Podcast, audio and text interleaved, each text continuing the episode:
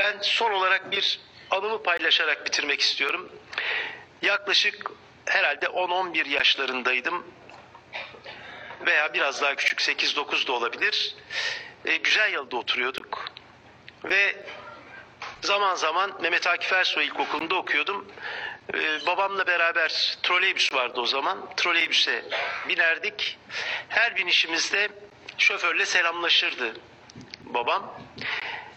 Ben de hani babamdan sonra en kallavi insan olarak hayatımda tanıdığım o şofördü. Baş şoför derdi babam.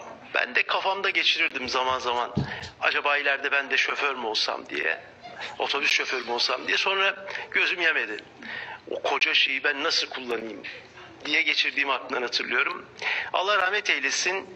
Ee, O baş şoför e, böyle çok kalıcı bir iz bırakmıştır benim hayatımda ve bugün de Esot'un şoförlerinin aynı şekilde çok ağır bir görev yaptıklarını biliyoruz.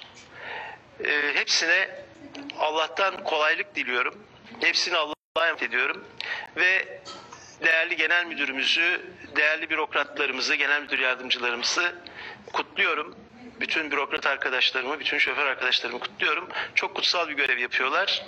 Bu kadar canı emanet alıp hizmet üretmek, onları taşımak büyük sorumluluk ve büyük e, özen gerektiriyor. Çok şükür İzmir e, İzmir'de başka kentlere göre bu konularda daha temiz bir sicilimiz var, daha iyi bir sicilimiz var.